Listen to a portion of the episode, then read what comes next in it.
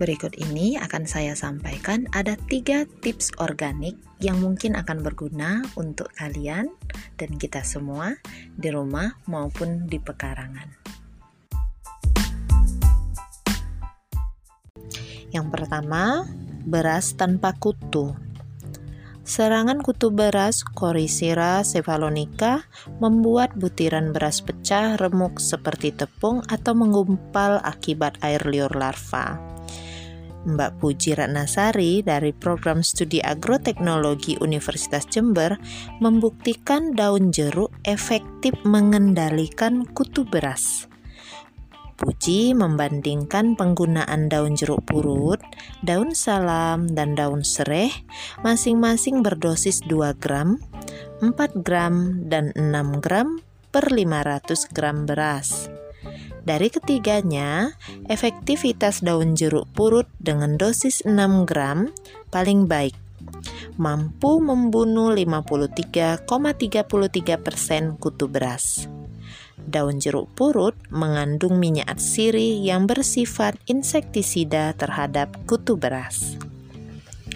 Tips yang kedua, Bintaro usir ulat gerayak. Daun dan buah bintaro efektif mengusir ulat gerayak pada kedelai.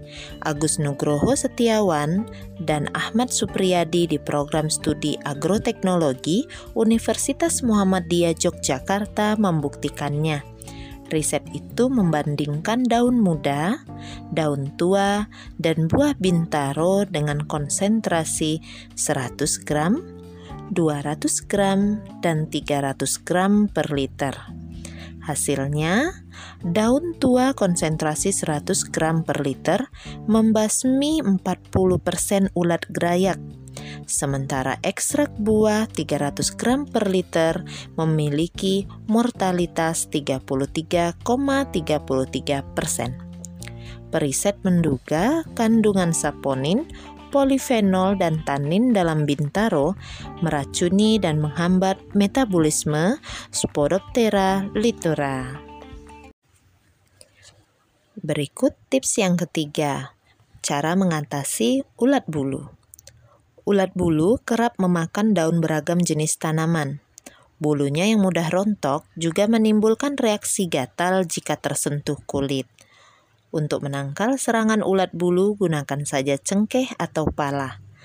Mademika Mega Astuti bersama rekan dari program studi agroteknologi Universitas Udayana membandingkan minyak atsiri dari cengkeh, pala, dan jahe untuk mengatasi ulat bulu. Konsentrasi masing-masing 1%, 2%, 5%, dan 10%. Pengamatan dilakukan 24 jam pasca aplikasi. Hasilnya, penyemprotan minyak atsiri cengkeh 10% dan pala 10% membunuh ulat hingga 100%. Minyak atsiri pala mengandung metil eugenol dan metil isogenol. Keduanya banyak digunakan petani untuk mengatasi serangan hama.